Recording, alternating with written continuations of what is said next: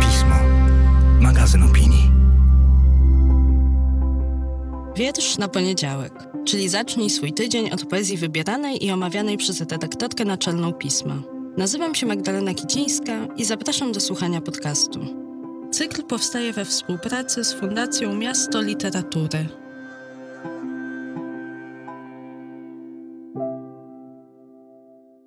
Cześć, dzień dobry, dobry wieczór.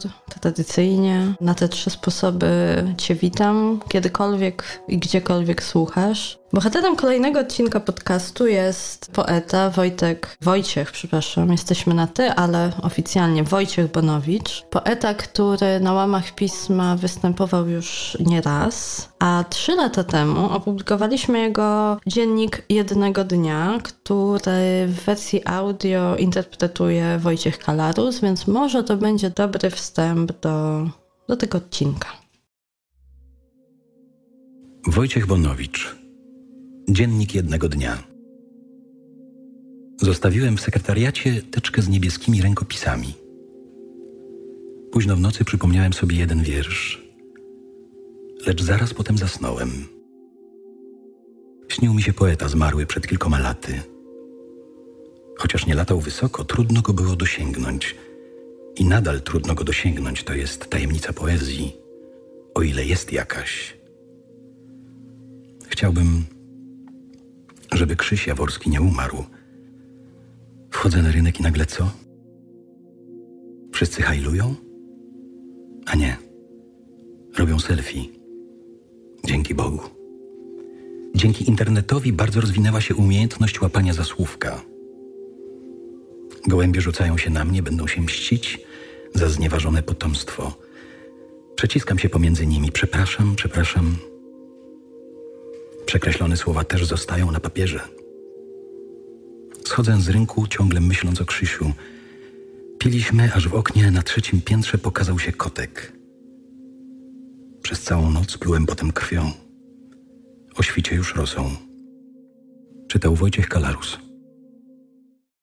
A do październikowego numeru przysłał mi wiersz zupełnie z zupełnie innego nastroju, z innego miejsca, z innej tonacji i o tę zmianę tematu i, i też trochę języka i o to, w jakim jest miejscu, jak się odnajduje w tej jesieni, postanowiłam zapytać go u źródła.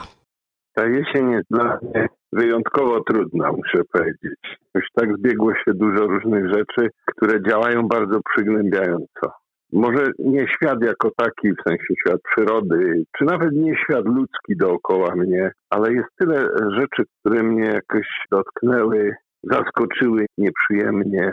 Dotyczy to zarówno wielkiej polityki, jak i trochę takich może bardziej prywatnych spraw. Zdrowie coś zaczyna też szwankować. Nagle okazało się, że jesień rzeczywiście jest taką porą smutku po prostu. Chyba tak najprościej trzeba powiedzieć. Smutna jesień. Ale smutek czy melancholia bardziej, czy, czy oba? Ja nie wiem, czy ja jestem taki melancholijny.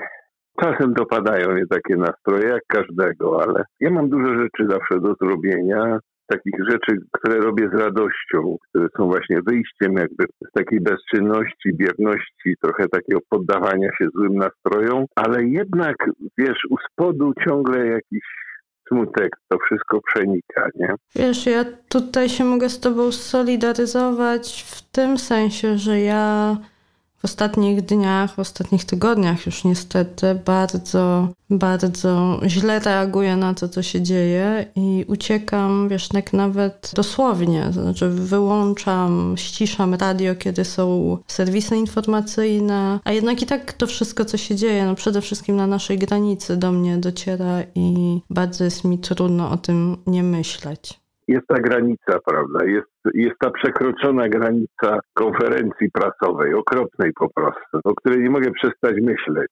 I jest mnóstwo tych takich spraw publicznych, nie? Ale, ale jest też dużo takich spraw, wiesz, takich e, małych obszarów, które są zaniedbane, gdzie są ludzie, którzy są samotni, którzy potrzebują jakiejś pomocy. Nie? I przychodzą takie momenty, bo no, jestem w to jakoś zaangażowany od wielu lat, ale przychodzą czasem takie momenty, kiedy po prostu już trochę brakuje siły, nie? Brakuje takiej energii. No, może, może to jest też ta ciemnota jesienna, no jest jakoś tak ciemno. Dzisiaj rozmawiamy w dniu, który jest wyjątkowo jakoś ponuro w Krakowie. Niebo jest ciemne. Ja się za chwilę, wiesz, otrzepuję, wstaję i i się znowu zbieram, nie? Ale tak jak mnie zapytałaś tak wprost, to rzeczywiście uświadomiłem sobie, że na przykład rok temu jesień była dla mnie właściwie radosna, mimo tych wszystkich trudnych momentów, mimo że za chwilę moja córka zachorowała i było dosyć ciężko, no ale była walka, człowiek się mobilizował, to bardzo ciekawe, że nawet w tym okresie choroby córki nie czułem tego takiego podskórnego smutku. Przeciwnie, taką mobilizację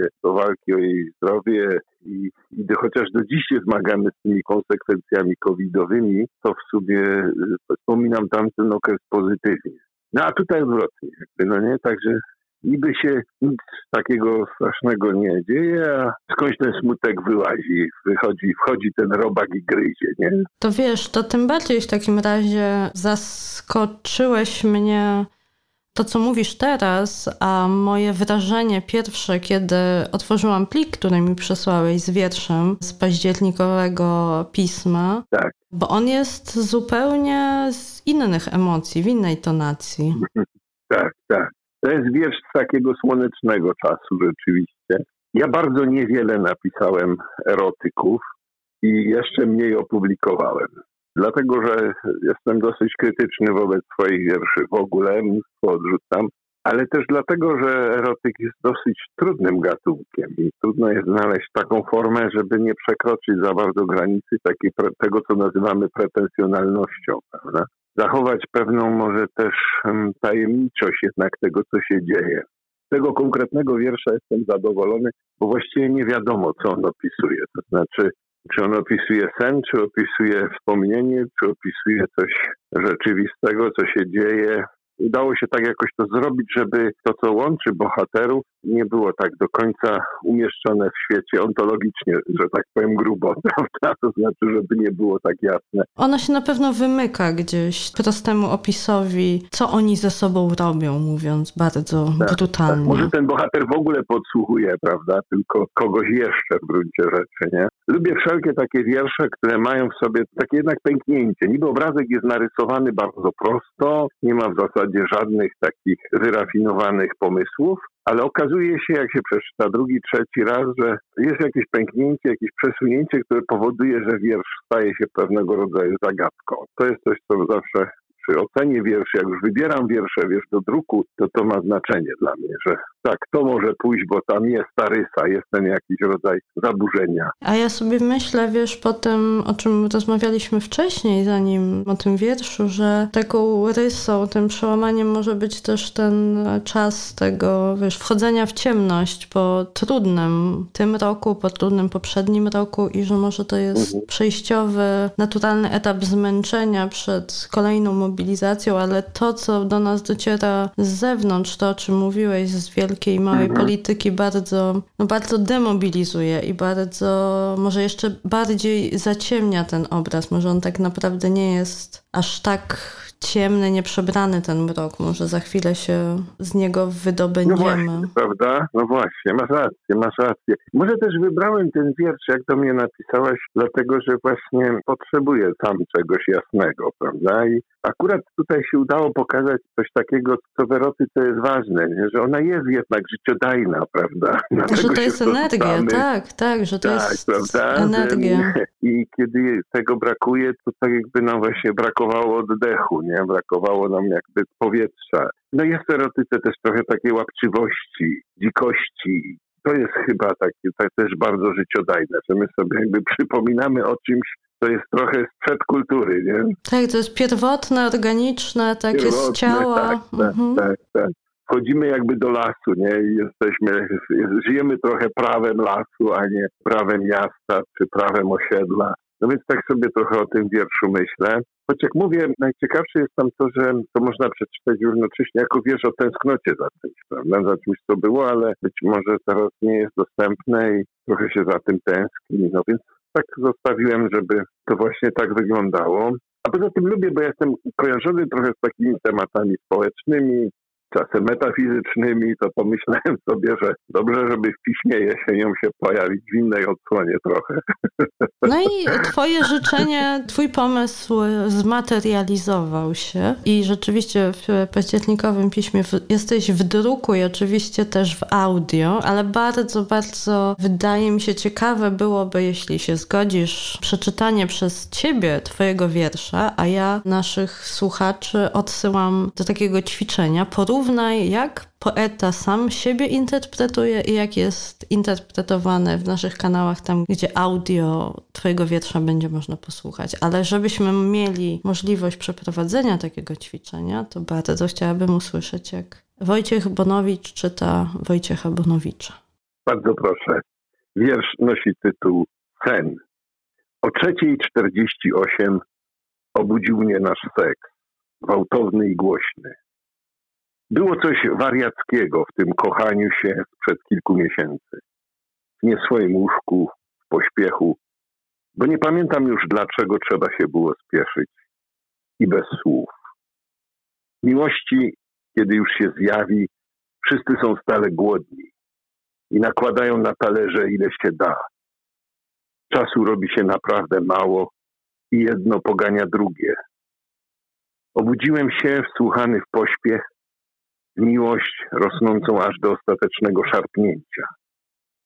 Kochankowie spinają się na drzewa, skaczą z gałęzi na gałąź, usta mają pełne mokrych liści.